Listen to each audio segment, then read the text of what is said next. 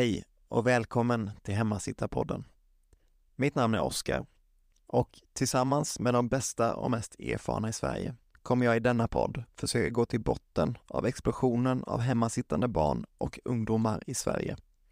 Mitt mål med podden är att skapa en buffé av information där allt från föräldrar som aldrig hört begreppet hemmasittare till lärare som jobbat med det i 30 år kan hitta tips och få inspiration.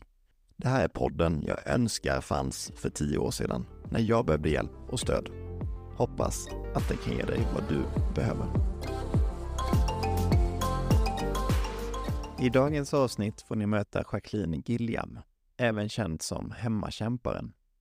Jacqueline driver idag sitt egna företag där hon föreläser om hennes tio år som skolkurator med inriktning på just problematisk skolfrånvaro men också om hennes egna erfarenheter som hemmakämpare.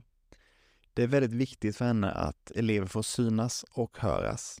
Och hon kommer förberedd till podden med synpunkter från före detta elever som kan bli riktiga tankeställare för både föräldrar och skolpersonal. Innan vi dyker in i avsnittet skulle jag bara vilja tacka alla er som har lyssnat och skrivit till mig hur mycket ni uppskattar podden. Jag hade gjort det här även om bara fem lyssnade, men det gör det så mycket roligare att veta att det faktiskt betyder något för er också. Hemmasittarpodden har funnits i ganska exakt en månad nu och igår fick jag meddelande om att vi ligger trea i kategorin föräldrar i hela Sverige och femma i kategorin barn och familj. Och vi har bara börjat. Så om du tycker att podden är värdefull skulle det hjälpa mig jättemycket om du gav den fem stjärnor eh, i sån här review. Och om du vill skriva något lite vad, vad du tyckte att den har gett dig. Så eh, att vi kan bli ännu större och hjälpa ännu fler. Här kommer dagens avsnitt. Hej och välkommen Jacqueline Gilliam. Sa jag det rätt nu? Ja, du sa rätt Oskar. Suveränt. Tack. Välkommen. Tackar. Eh, jag skulle vilja börja med, kan inte du berätta lite om dig själv, vad du gör idag, men också om eh, din bakgrund? Eh, jag tror att den kan hjälpa eh, både föräldrar och om det är ungdomar som lyssnar på det här. Ja, ja men absolut, det kan jag göra. Eh, Jacqueline Gilliam, som sagt, heter jag. Jag är utbildad socionom och har jobbat som skolkurator i många år. Och de senaste åren har jag jobbat som skolkurator på gymnasiet, inriktat eh, mot elever som har eh, problematisk skolfrånvaro. Eh, och sen eh, för ungefär ett år sedan så tänkte jag så här, oh, jag kanske skulle testa att starta eget företag. så jag tog tjänstledigt ett år och nu så håller jag på och startar upp mitt företag som heter Hemmakämpare AB. Så jag valde hemmakämpare som, som ord. Jag tycker att det, eh, det passar bra. Eh, för att det finns inga elever som jag har träffat som kämpar så mycket som, som eh, elever som är i ofrivillig skolfrånvaro. Så Nej, det gör precis. jag just nu. Mm. Jag, jag håller med dig om det. I många samtal med föräldrar och oroar man att hemmakämpare är ju mycket bättre jag, jag tror jag nämnde ett annat eh, tidigare avsnitt också. Jag valde hemmasittaren för att kunna bli lite bredare. Andra som inte är inne i den här världen har också koll på vad en hemmasittare är. Eh, även om det inte är det bästa ordet för att beskriva vad det är. Så det är ändå en inväg in. Så kan man förklara som i samtal Jag tänker vi kan komma in på mycket bättre definitioner. Så hemmakämpare håller med. Ja, och det är ju så här med ord, att eh, de kommer in i våra liv, vi smakar på dem, vi vrider och vänder. Eh, och just hemmasittare är ett ord som många känner till. Eh, och det är bra att använda av det, ur den synvinkel att då är det många som också hittar till den här podden. För det är det vi vill, eller hur Oskar? Vi vill att många ska hitta hit. Eh, för att den här podden behandlar ju frågor som både du och jag har sökt svar på i många år. Så eh, det, det är det vi hoppas på. Mm. Mm. Ja, det är det som är målet, att kunna hjälpa så många som möjligt. Eh, och ja. kunna, egentligen visionen är ju att inte ska spela någon roll vilken kommun du bor i. Du ska ha samma förutsättningar i alla fall informationsmässigt och de som jobbar där, de som bor där, ska inte finnas i alla fall eh, ursäkter att vi vet inte det här för att det fattas kunskap. Det här är ett sätt att samla på sådana kunskaper och ge ut den till alla som behöver. Precis. Det är ett jättespännande projekt. Ja. Mm. Ja, så det, ja, det är det jag gör just nu. Så jag håller på att eh, sitter och skapar lite föreläsningar eh, där jag eh, ja, men beskriver orsaker till skolfrånvaro och hur vi ska jobba närvarofrämjande i skolorna. Eh, men också rådgivande samtal med, med föräldrar. För att eh, jag möter många föräldrar eh, från många delar av landet som, som ändå beskriver samma historia. Eh, att de har ett barn som av olika anledningar har hamnat i, i skolfrånvaro eh, och har jättesvårt att komma tillbaka.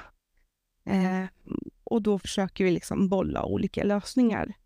Eh, och, och det, det, jag också har med mig det är att jag själv har haft en hög skolfrånvaro eh, under högstadiet. Så jag har själv varit hemmakämpare och kan, kan förstå det perspektivet samtidigt som jag förstår skolans perspektiv som skolkurator. Um, och jag tror att det på många sätt är en fördel att kunna relatera till flera delar. För det är så komplext eh, med skolfrånvaro. Eh, och eh, ju mer vi kan förstå varandra och, och vara öppna inför olika perspektiv, desto bättre tror jag vi kan eh, nå fram till vilka lösningar som kan fungera. Mm. Det tror jag med. Vad, vad var det men på högstadiet som det började för dig? Vad var det som hände? Ja, alltså jag tror egentligen inte att det var på högstadiet det började, men det var på högstadiet det blev ett problem. Mm. Eh, jag är, ehm, är uppvuxen i en NPF-familj. Ehm, både min mamma och min bror har eh, ADHD. Eh, min mamma har det inte på papper, men oh lord, hon har ADHD. eh, men min bror har det och det var tydligt när han var väldigt eh, liten. Så. Eh, och i mångt och mycket så, så märktes nog inte jag i det. Jag, jag blev som jag brukar säga ett skuggsyskon. Mm. Eh, jag älskar min bror, han, han förtjänar all uppmärksamhet, missförstå mig inte. Men i jämförelse med honom så hade jag inga problem. Jag fick min ADHD-diagnos när jag var 30. Och det är ganska vanligt att, att eh, kvinnor får det senare i livet. Min mm. lillebror fick sin ADHD-diagnos när han var kring, kan han ha varit 7-8? Så väldigt liten. Eh, och jag minns så tydligt att jag, eh, att jag ville skydda honom. Så. Eh, att, ehm, ja, nu, blir det, nu blir det en lång historia för att komma till varför jag hamnade i skolfrånvaro. Men, men det var därför. För att mm. mycket handlade om att, ehm, att det var mycket hemma kring min lillebror. Mm. Eh, och då var det lätt för mig att komma undan med saker kanske, inte bli uppmärksammad på samma sätt. Eh, och jag minns när jag gick i eh, mellanstadiet så, så gjorde jag praktik på hans eh, förskola. Eh, och vi satt i sandlådan och lekte där med barnen. Och eh, jag ser hur min bror kommer springandes emot oss. Han tar sats och han hoppar och han landar precis på den eh, sandslottet vi har byggt. Eh, och säger, får jag vara med? Jätteglad liksom. Mm. Och varav det andra barnet säger så här, nej, jag får inte leka med någon som har ADHD.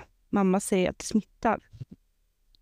Mm. Um, och där och då så, så liksom, ha, kände mm. väl jag så här att ja, jag, jag vill skydda honom mot det som gör ont. För jag såg ju de här ledsna ögonen och, och han förstod inte vad han hade gjort för fel. Um, men, men, det, men det blev någonstans startskottet till att jag vill inte dra in mina jag vill inte säga att jag mår dåligt över någonting eller jag vill inte vara den som tar uppmärksamhet hemifrån eller så, utan mm. eh, ja, fokus behöver ligga på min lillebror. Liksom. Jag förstår. Men tog du mm. ansvar då för eh, hans eh, mående? Och det gick ja. ut över ditt egna? Ja. Var det det som hände då att det, det gick till en viss gräns? Ja, men jag, jag, tror att det, det liksom började med att jag, jag, har, jag har ju ADHD. Liksom, jag mm. hade svårt att koncentrera mig och hänga med i skolan. Men jag var tyst och lugn så att det, det märktes liksom inte. Ehm, och, och, min mamma jobbade så hon märkte inte att jag var hemma från skolan när jag behövde vila. Och de här vila, vilopauserna blev ju längre och längre. Mm. Ehm, och sen när jag gick i i sjuan, åttan där, då hade jag så otroligt svårt med att hänga med eh, och tyckte att skolan var så jobbig att eh, då hade jag till slut 86 procents frånvaro. Eh, och jag vet att, att på vårterminen så hade vi utvecklingssamtal och då sa de till min mamma att ja, men hon har ju 86 procent frånvaro. Mm. Och då hade det liksom gått nästan hela läsåret utan att någon hade tagit kontakt med min mamma eller frågat mig varför jag var hemma. Eller det kanske de gjorde, men det är ingenting jag, jag minns att det var någon som gjorde.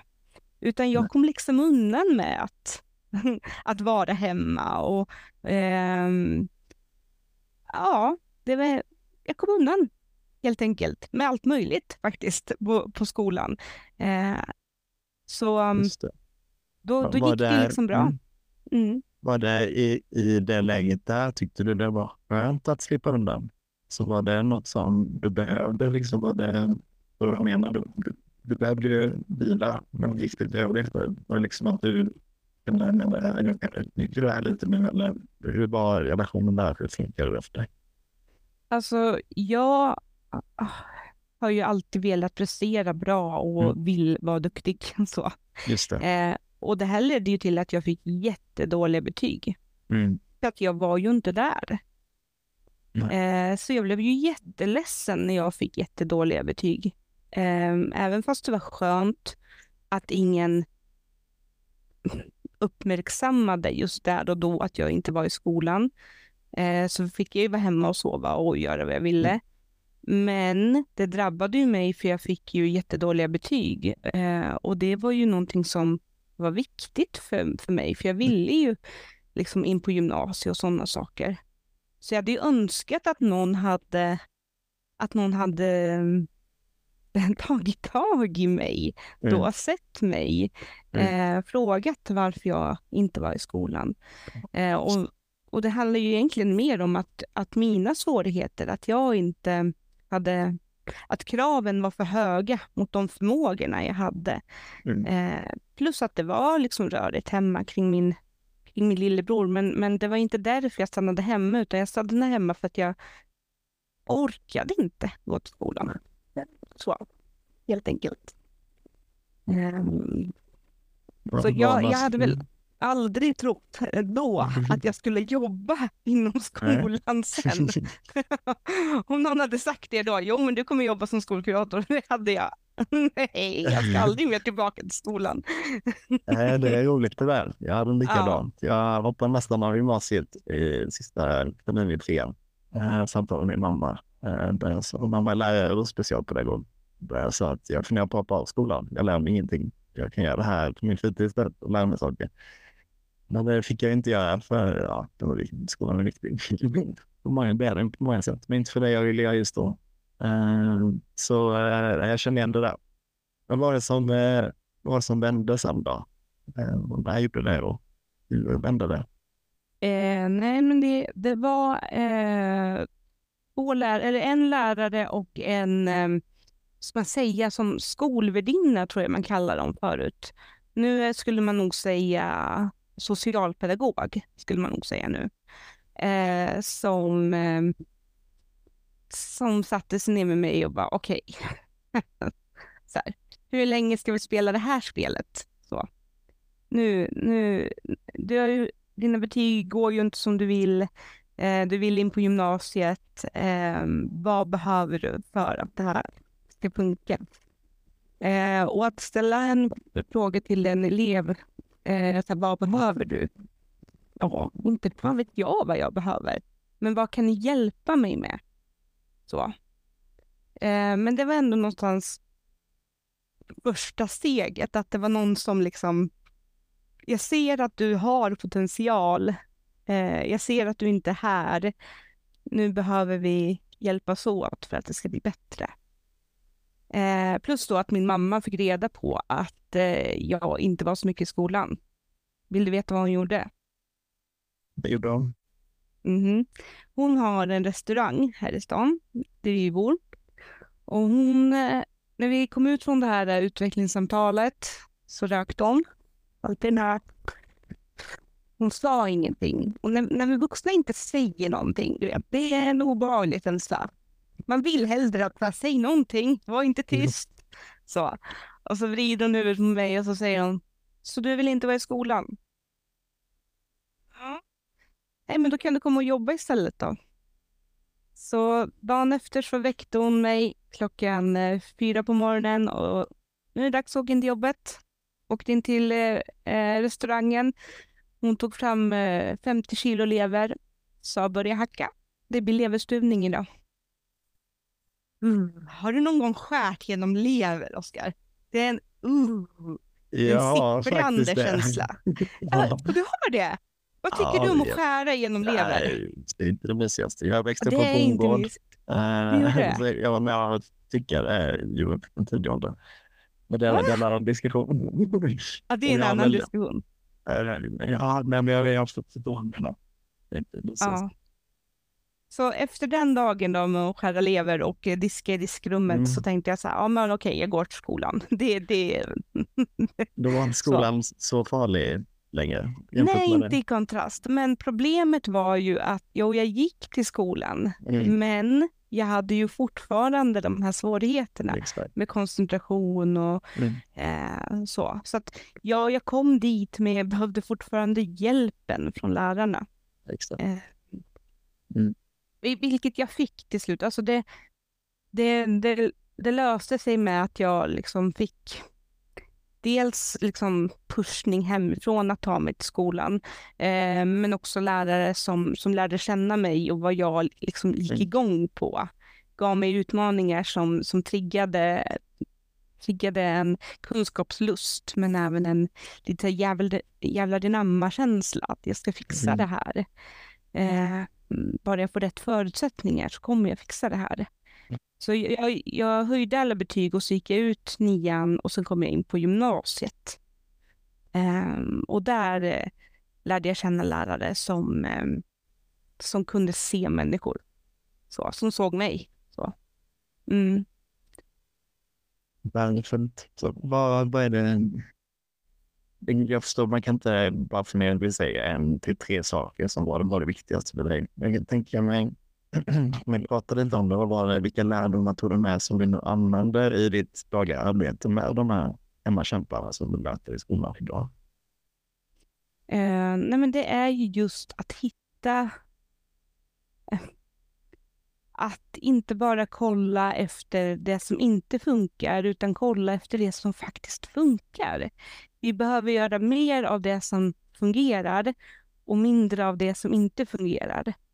Um, och uh, ibland så kanske det inte är jag som är den som, som når bäst fram till ungdomen. Uh, det kanske finns någon annan på skolan, det kanske finns en mormor, det kanske finns en eh, fotbollstränare, vad vet jag. Men att den som har förmågan att nå fram, skapa relation, det är där vi måste lägga fokus. Vi måste liksom hjälpas åt eh, ehm, för att hitta det som fungerar och så bygga, bygga på det helt enkelt. Och det är väl det jag har tagit med mig från, från eh, att själv ha haft hög skolfrånvaro. Det är att, att om man belyser det som fungerar mer än det som inte fungerar, då, i alla fall för mig, så tänds, tändes det en, en glöd till att eh, tro på mig själv helt enkelt. Mm. mm jag inte nämnde innan eh, att flickor upptäcks oftast mycket, mycket senare. I vuxen ålder. De syns inte och hörs inte i skolan. Bara från din egna erfarenhet, vad, vad beror det på? Vad är skillnaden liksom från en, en pojke med ADHD-autism och en flicka med ADHD-autism? Ja, om jag bara utgår från mig själv så mm. Var ju min bror väldigt eh, synlig på alla sätt och vis. Alltså han, han, eh, man brukar säga att ja, men han klättrar på väggarna, fast han klättrade bokstavligen på väggarna. Alltså, eh, han var högt och lågt och överallt, både i känslomässigt eh, och i eh, ja, i fysisk kropp liksom. Eh, ja, så. Medan jag hade kaoset inom mig. Eh, mycket ångest, mycket oro, mycket tankar, eh, mycket självtvivel. Eh, så att jag, jag bar också det här hypret fast inom mig. så. Eh, och det är där jag tror att man många gånger missar eh, eller det var den för jag tror att man missade att jag eh, hade ADHD. För att i jämförelse med min bror så var ju jag lugnet själv. Eh, och, och, då kan jag omöjligt ha samma diagnos. Eftersom att han är på det här sättet och jag är på ett helt annat sätt. Fast vi hade samma kaos. Han hade det utanför sig och jag hade det inuti mig. Um, och jag tror det var det som tog lång tid för mig själv att, att inse att jag att jag hade de här svårigheterna. Jag, jag kunde, kunde förstå att ja, men jag har eh, konstruktionssvårigheter, eh, jag har mycket ångest, jag har mycket oro. Jag kunde förstå allt, alla svårigheter jag hade, men eh, jag kopplade inte själv att, att eh, det var en NPF. Så. Eh, för att jag var ju inte som min bror. Ehm, och, och ehm, det är där jag tror att det blir farligt när vi börjar jämföra elever med varandra. Eh, att ehm, ja, men den här eleven har ju den diagnosen och då ska alla andra vara precis som den eleven. Då, då är vi helt ute på hal is, tänker jag. Utan vi måste se vad som gör eleverna unika Ehm, och hur vi behöver hjälpa just den här eleven, just mig, eh, för att jag ska kunna utvecklas så mycket som jag kan. Mm. mm. Jag tror det är jätteviktigt också. Innan vi går in på... Jag tänker det kartläggningar som vi pratar om i andra avsnitt också. Så jag tänker att det egentligen det som ger, jag tror kan ge de som lyssnar allra mest är innan vi startade inspelningen berättade du att du hade samlat in mycket med, meddelanden med godkännande från elever som har haft. Jag skulle vilja berätta lite mer. Vad, du berättar med dina egna ord mycket bättre än jag kan berätta. Så jag lämnar ordet till dig. Vad är det du har? Ja. Nej, men sen jag började jobba som skolkurator på gymnasiet eh, så mm, var det viktigt för mig att samla in eh, en, en, en kunsk kunskapsbank. Så här, vad kan jag göra bättre i mötet med, med elever i problematisk skolfrånvaro? Så efter varje termin eh, så skickade jag ett sms till de eleverna jag hade haft mycket kontakt med. Det jag skrev så här, vad, eh, vad har funkat bra i kontakten med mig och vad skulle kunna funka bättre?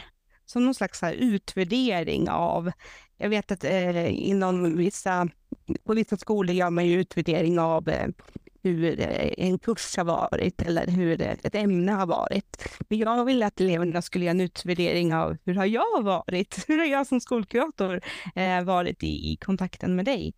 Eh, och, eller hur har du upplevt att de vuxna på skolan har bemött dig? Så jag började skicka sådana sms och jag fick jättemånga fina svar. Så jag plockade ut några svar från elever eh, som jag tänkte läsa upp här för dig idag, Oskar. Mm. Så, så får vi se vad, vad, vad vi tycker. Det här är alltså svar från elever som svarar på frågan vad som har eh, funkat bra i, i kontakten eh, när vi pratar om problematisk skolfrånvaro. Så att alla är med på vad jag babblar om. Då ska vi se. Så här skriver en elev. Hmm. Vad ska vuxna tänka på? Det skulle troligtvis vara effektivt att den vuxne låter ungdomen föra konversationen ibland och inte bara låta ungdomen bli bombad med flera frågor samtidigt. Jag skulle också säga att något viktigt som vuxna skulle kunna tänka på när de möter ungdomar med frånvaro är att främst ta reda på orsakerna till frånvaro genom att lyssna mer än att de pratar. Mm, kloka ord, va? Mm. Mm, verkligen. Här är en annan som säger så här. Um, det som du gjorde var bra. Du gick inte rakt på problemet, utan du lärde känna mig och tog reda på varför problemet var som det var, utan att jag riktigt märkte det. Sedan började vi prata om lösningar samtidigt som vi hade kul ihop, vilket gjorde att jag lätt och frivilligt öppnade upp mig för dig och byggde ett starkt band där tillit är den största delen av allt. Um, som du märker så är jag, har jag nära till skratt och det har jag även när jag jobbar med ungdomar. Jag tycker det är jätte, jätteviktigt att ha roligt tillsammans. Mm. Uh, även fast man för, befinner sig i en väldigt svår och jobbig situation så behöver inte allting eh, vara så mörkt jämt utan man får ha glimtar av skratt och glädje. Det är jätteviktigt. Så um, det försöker jag att, uh, att ha med när jag jobbar med ungdomar. Att försöka hitta det som också, som jag säger, det som funkar och, men också det som känns roligt och lustfyllt. Um, sen så har jag en till här. Eh, först är det jätteviktigt att man försöker veta varför en elev undviker att komma till skolan. Vad är problemet? Typ, det kan vara problem typ hemma eller på skolan. Depression är en stor orsak som påverkar oss. Att man inte ens har energi att vakna upp när dagen börjar. Eh, det blir bra att man försöker träffa eleven och börja prata om något helt annat innan man pratar om frånvaron, så eleven känner sig bekväm under samtalet. Och sen har jag två till jag skulle vilja läsa upp som jag tycker beskriver det bra. Är det okej? Okay? Ja, kör på. Ja. Eh, okej. Okay. Ta upp att det inte... Ta inte direkt upp eh, att eleven har frånvaro, utan bemöt oss med frånvaro som ni vuxna bemöter alla andra. Exempel, hej, hur är läget? Istället för att säga, hej, hur är läget? Jag ser att du har mycket frånvaro. Um, ni kan säga, har du lust att ses och prata någon gång? För annars, om det går på för hårt, så kommer vi att dra oss tillbaka. Mm. Det som du gör bra är att fortsätta att höra av dig även fast jag inte svarar. Eh, när du fortsätter så gör du att jag får ett förtroende för dig. Att du visar att du faktiskt bryr dig. Eh, det är bra också om ni är personliga och öppna så det känns som att ni är någon som man vågar lita på. Och den sista. Jag tror att det är det som är nyckeln till det hela. Man behöver hitta någon som man har förtroende till, som man klickar med. Man behöver stöd och ha vetskap att den personen alltid kommer finnas där och stötta. Någon som bara helt enkelt tror på en. Mm det var de smsen som jag ville skicka med. Och det här är faktiskt anledningen till att jag startade mitt konto Hemmakämpare på Instagram. Eh, det var för att jag tycker det är viktigt att vi inte bara pratar om ungdomar utan med ungdomar och lyfter ungdomar och barns egna röster. Eh, och då var det en morgon som jag satt i ehm, eh, lärarrummet och då få, fick jag ett sms. Och det här är sista grejen jag läser upp, men jag vill gärna läsa upp det här smset också. Eh, jag ska bara plocka fram det här. Det går så här. God morgon. Det är min här. Jag har öppnat en verksamhet i staden där vi bor. Jag skulle bli jätteglad om du kom förbi någon dag. Du har hjälpt mig genom den svåraste delen av mitt liv och utan dig skulle jag inte varit den jag är idag. Jag är tacksam för allt du har gjort för mig. Hoppas vi ses snart. Och när jag fick det smset, då kände jag så här att ja, det kan vara becksvart. Det kan vara jätte, jättemörkt. Men om vi aldrig ger upp, utan att vi fortsätter kämpa tillsammans, då går det oftast bra. Ofta så går det bra för, för de barnen och ungdomarna som vi jobbar med. Eh, och vi måste bli bättre på att, att lyfta deras röster. Så då, då startade jag Hemvärnskämpare på Instagram, det kontot, just för att ja, hitta en plats att lyfta de här rösterna på. Så. Är det till andra barn och ungdomar som du skriver? lyfter fram eller är det tillfälle? Är, är det en hel du till alla? Eller är det någon speciell den här vill jag ska läsa det som barnen har sagt? Um, Eh, nej, jag har nog bara tänkt att Eh, Gud, det har jag inte tänkt på. Nu när du säger det, vilka vill jag ska höra de här rösterna? Ja, det är ju dels de som, som jobbar med ungdomar som befinner sig i frånvaro, alltså skolor och eh, av skolor. Men också till föräldrar att, att, eh, att få hopp om att det, det, kan bli bättre. Jag är ett bevis på att det kan vara mm. mörkt och svårt, men det kan också bli bra. Så. Allas vägar ser inte likadana ut och det är okej. Okay. Eh, men också för ungdomar själva som befinner sig i liknande situationer. Att det är jobbigt just nu, men det behöver inte alltid vara det. Och det finns andra som har, som har klarat sig eh, ur, ur ett dåligt mående eh, och, och fått rutin i sin vardag. Och då kan jag också klara det. Mm. Så um, ja, men, men, eh, men mycket handlar också om, om huret. Hur ska vi göra då för att Eh, för att dels hitta de här ungdomarna, vi pratar lite om kartläggning, eh, du tar upp det i andra avsnitt också. Eh, men att bygga de här relationerna som mm. vi aldrig kan tjata nog om att det är så viktigt. Mm. Just det. Jag tänkte på en sak, eh, jag tror näst sista där. Jag kommer inte ihåg exakt orden om han skrev, men det hade att göra med eh, relationen då. Att börja öppna inte med, jag ser att du har mycket frånvaro. Det blir, man känns nästan attackerad då.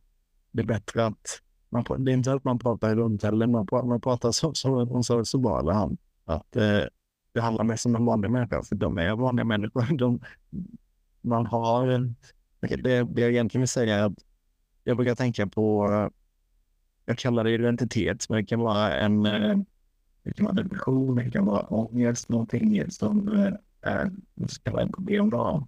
Det är någonting du har, inte någonting du är. Det, det är bara ord kan ju tycka, men det är väldigt stor skillnad på att ha någonting. Som jag brukar jämföra med kläder. Du äger dina kläder, du har dem på dig, men du är ju inte dina kläder. Du kan byta dina kläder. Så om du har mm. ångest, om du har något jobbigt i ditt liv, så är det inte permanent. Det är någonting du kan byta ut. Eh, om man tar exempel med kläder då, om man inte vet vilken affär man ska gå till. Och jag tänker, jag har inte råd med de här kläderna. Så det finns ju alltid lösningar. Man kan gå och köpa eh, på eh, second hand eller man kan få det ärvade från någon. Det finns ju alltid lösningar för att komma runt det, men när man är eh, i mindsetet eller på en dålig plats så är det inte säkert man ser de lösningarna. Eh, så det tänker jag är en viktig del. Att om man inte är lösningsfokuserad som vissa är, man är mitt i det, vad gör man då? För att inte känna att det här är permanent, det här är så här kommer jag ha hela livet. Ja, alltså när man, när man är mitt i det, då är det ju svårt att hitta lösningar. Jag tänker att det är inte, det är inte barnets eller ungdomens eh, sak att hitta lösningen, utan det är här vi vuxna måste kliva in att hjälpa till och, och, och kartlägga ordentligt och se vart är det det inte funkar, vart är det det funkar eh, och sen utifrån det gemensamt prova olika lösningar. Eh, ungdomar vill sällan själva komma med lösningarna för det är ju skitsvårt. Och, och, skulle, vi, skulle vi säga så inom andra yrken, tänker jag, alltså om, om, eh, om, din, eh, om du får jätteont i din mage, i blindtarmen eller vad som helst, då skulle du inte gå till läkaren och läkaren skulle säga så här, ja Oskar, vad vill du göra åt det här då? Utan då skulle ju faktiskt en läkare säga, du det där måste vi operera. Mm. Eh, och jag tror att vi måste ha med oss samma synsätt också när vi, när vi pratar om barn och ungdomar som befinner sig i psykisk ohälsa. Att vi behöver komma in med vår kompetens och se, dels att lyssna på, på barnet och ungdomen, men också visa på att det finns olika lösningar. Eh, för att det är inte barnens un, eller ungdomens eh, sak att, att eh, försöka hitta egna lösningar. Det är, det är jättekonstigt. Eh, så här, här är det viktigt att vi slår våra kloka huvuden ihop, vi vuxna runt omkring. Och att vi visar att vi vuxna runt omkring är enade och vill samma sak. Vi vill att barnet ska må bra. Det, det är prio ett, att barnet ska må bra. Eh, och sen lyckas med skolan, ja det, det är också prioriterat, men det är inte det allra, allra viktigaste. Utan det viktigaste är att ett barn som mår bra, den kommer också att orka tillgodose sig kunskap. Eh, och, och, det är här vi måste lägga fokus på att, att barnet ska må bra, helt enkelt. Um, så, så lösningen är väl helt enkelt att, um, att visa att vi, vi har en samsyn kring barnet, att vi sitter i samma båt och att vi vill hitta lösningar tillsammans för att barnet ska må så bra som möjligt. Um, men att, att uh, barnet själv eller ungdomen själv ska, ska komma med sina lösningar, det, det, det blir bara konstigt. Man, kan absolut, man måste absolut komma med, med förslag som, som ungdomen känner att det är rimligt, att man har mm. förmågan att klara av så att inte vuxna sitter och bestämmer över huvudet. Det är inte så jag menar, utan jag menar att vi måste hitta eh, alternativ för att eh, bygga upp eh, en självkänsla eh, och, eh, och förmågan så att förmågan och kraven eh, lirar med varandra. För är, för, är kraven för höga så, så kommer inte ungdomen ändå att att förmå att ta sig till skolan. Nej, precis. Jag, nu, eh, jag tänker på en sak, en liknelse vad man kallar det. När du pratar om min, privata om min bror, jag pratar med ibland och lyssnar liksom inte på honom så det spelar ingen roll kanske. Det här är inte riktigt än. Men det är, om jag jämför det här, bara för att dra en liknelse då. Eh, om jag frågar, ställer en öppen fråga till min fru, vad vill du äta idag? Då får jag nästan aldrig ett bra svar tillbaka. Ja, eh, hon vet. Hon måste liksom prata, hon måste få mer och mer presentera i alternativ till dem. Vill du ha det här kinesisk mat, pizza eller pasta, säg. Då, okej, okay, nej, men jag känner för pasta idag mer än det här. Då har hon någonting hon kan liksom eh, jämföra mellan och väga emot varandra. Så jag tänker lite likadant med barnen. Om du bara frågar en fråga, vad vill du äta? Vad, vad vill du, hur vill du designa skolan så att den blir bra? Så det blir jätteenorma ja, frågor. Stort. Ja. Så man måste få ner det, kanske i först kartlägga då och sen komma fram till tre alternativ eller kanske två alternativ i början. Då. Vill du att du ska göra så här eller så här? Då blir det mer eh, svart och vitt fel ord, det blir lättare då. Eh, då, då kan man börja, då är det också en ingång i att börja prata med det här, jag gillar inte det här på grund av det. Då har man ett gemensamt sätt att prata om det. Det tror jag är bättre sätt, ja. Mm.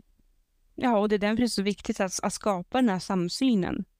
Eh, att det handlar, han, handlar mer om eh, samsyn än samverkan. Att, eh, att samsyn, då, då har vi samma perspektiv på hur, eh, hur det är och vart vi vill. Så. Eh, samverka, det kan vi sitta och prata med varandra hur mycket som helst. Men har vi inte samma samsyn om, om, om vart vi är eller är på väg, då spelar det inte så stor roll. Eh, och jag tror att det är jätteviktigt att ha med eh, un, alltså barn som hamnar i frånvaro när de är små. Att redan där snabbt vara på att se eh, vad, vad är orsaken till att det är eh, svårt att vara på förskolan till exempel. Mm. Eh, för att ju, ju snabbare vi är på bollen, desto snabbare så, så kan vi undvika att det blir ett större problem senare i livet. Mm. Det, ja, det är vad jag tror. Men jag tror också att det är jätteviktigt att vi faktiskt lyssnar till dem som har varit eh, i frånvaro och tagit sig ur det. Precis som du säger, vad var det som funkar då? Att vi tar liksom hjälp av de erfarenheterna som faktiskt finns. Mm. Och där har ju till exempel Attention eh, gjort ett jättefint arbete eh, om vägen tillbaka eh, som jag kan rekommendera folk att titta eller lyssna på, eller mm. läsa. Eh, de har gjort så här små filmklipp och, och eh, ja, men ett, ett fint projekt tillsammans med Arvsfonden där man faktiskt lyfter ungas röster. Där finns det mycket kunskap att hämta. Jättebra tips. Ehm, innan jag ställer min sista fråga som jag brukar ställa. Är det någonting som du känner att det här har vi inte pratat om, det här är superviktigt och det är helt visat att få med? Som jag skulle vilja dela med dig av? Jag tänker lite grann. Jo, men det, det viktigaste som, som när jag pratar med ungdomar, eh, det är att de säger på olika sätt att jag vill inte bli bortglömd. Så, jag vill inte känna mig bortglömd.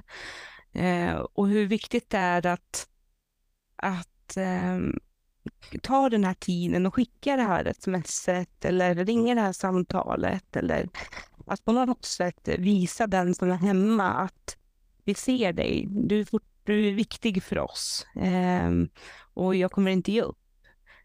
Eh, jag tror att många ibland kan känna så här, ah, men hur ska jag kunna skapa en relation med någon som inte är i skolan? Det går det går att skapa relation med någon som inte är i skolan. Eh, det gäller att ehm, hitta alternativa vägar och det gäller att ta med sig rektorn, huvudman, ledningen på att eh, vi tänker inte ge upp om den här ungen utan vi kommer fortsätta att lära känna eleven. Så. Eh, för ibland så går alla samtal via föräldrarna och föräldrarna är oftast helt slut för de har hållit på och kämpat med det här så länge och sen så glömmer man bort eleven. Ehm, så är det någonting jag vill skicka med så är det att, ehm, att lägga fokus på att skapa relation med eleven och bygga den här ah, samsynen och tilliten tillsammans även om det känns svårt, eh, så, så ge inte upp det, utan håll kvar i att skicka de här smsen eller korten eller eh, gör hembesök om det är möjligt. Eh, och eh, att socialtjänst, skola, BUP ser det som ett tillsammansarbete med föräldrarna och inte bolla runt att ja, men det här är inte mitt ansvar, det här är inte våran plats, det här, är inte, här ligger det inte på vårt bord. Nej, fast det är ju, det är ju ett barn av i vårt samhälle Det spelar ingen roll vem det är som, som äger ansvaret på pappret, utan vi måste skapa en trygg miljö för det här barnet tillsammans. Um, ja, jag vet inte, det kanske, oh, vad luddigt det blev. Häng, hängde du med där? Mm. Ja, tillsammans. det gjorde jag. Tillsammans, mm. tillsammans relation utgår från vad jag, jag, jag kan lägga till så saker jag tänkte på innan. Vi kom in lite på det, men lägg inte skulden på barnet, har jag hört dig säga, beskriva. Och det, det, mm. Jag har varit inne lite på det, men någonting skulle vi lägga till om det. Vad betyder det för dig? Vad menar du med det? För att jag är helt övertygad om att alla barn gör så gott de kan utifrån de förutsättningarna de har. Um, och alla vill, vill lyckas, vill må bra. Um, och till slut så kan det vara så att har man mått så dåligt så pass länge i en situation så kan den friska situation, reaktionen var att säga stopp. Att det här är en, en eh, sjuk situation och jag behöver säga stopp för att skydda mig själv. Eh, för jag, jag, orkar inte, jag klarar inte av de här kraven. Eh, och eh, och då, då, då blir det ju att, att ja, det är barnet som stannar hemma. Och det blir kanske lätt att skylla på barnet, att barnet är lat eller att eh, det är barnet som gör fel. Istället för att tänka så här, okej, okay, vad är det som har lett till att barnet har hamnat där? Det var ju inte så att barnet föddes med att nej, jag tänker inte gå till skolan. Utan det är någonting som har, har hänt längs vägen. Så, som har gjort att den har hamnat där. Och jag har en e-, elev som uttryckte det så bra att, att säga att någon är lat, det är bara en lat bortförklaring för att inte vilja se problemet. Och det, alltså jag kommer tatuera in det, för jag tycker det är så, det var så mindblown när, när, när eleven sa det. Um, för att det är så lätt att slänga sig med att, att skylla på, på barnet eller ungdomen, att säga att den, det är dens fel. Mm, det är lätt att säga det istället för att faktiskt undersöka anledningen. Så. Ja. Mm. Ja. Ja, det är väldigt bra. Var kan eh, de som lyssnar hitta mer information om dig? Om de vill lära känna dig mer eller få din hjälp? Ja, eh, jag finns på um, min hemsida, heter eh, hemmakampare.se. Eh, och så finns jag på Instagram, ett eh, hemmakampare.se och sen på Facebook, hemmakämpare eller hemmakampare. Och sen så kommer jag faktiskt ha en öppen föreläsning eh, i Eskilstuna på Stadsbiblioteket eh, nu i mitten av mars. Så att det var 12 mars. Så där kan man få träffa mig IRL liksom, om man har nära, nära till Eskilstuna. Jag eh, skriva med den i eh, beskrivningen under avsnittet. Hittar ni där, all information. Mm. Eh, sista frågan är om, om jag hade haft en, en magisk trollspö eh, och när du, och jag ger inte den, när du viftar på den så händer någonting i, eh, i kan vara i världen att någonting förändras. Liksom. Vad hade förändrats? Vad är liksom den, den saken du hade förändrats i världen ja, när du viftar med ditt trollspö? Oj, när jag viftar med mitt trollspö, då blir det faktiskt någonting väldigt stort. Då blir det att eh, alla barn, oavsett eh, kön, land, eh, bakgrund, så, har rätt till utbildning. Och, och får utbildning utifrån sin förmåga. Mm.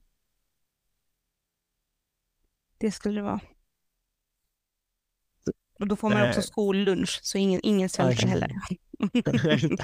ja, du skickade min två önskningar igen. Jag petade in den där. Ja, du petade in, försökte. Ja, jag får fingrarna. Ja, det är superbra. Den borde ju inte vara, du säger att den är stor, den borde inte vara för stor. Nej. Tyvärr så, så är vi, har vi lång bit kvar att gå. Men som sagt, vi är inte upp. Håll i, håll om, håll ut. Tack för att du har lyssnat på hela avsnittet. Glöm inte att ge en femstjärnig review om du tycker att podden ger dig något. Ha det bäst så hörs vi nästa vecka igen.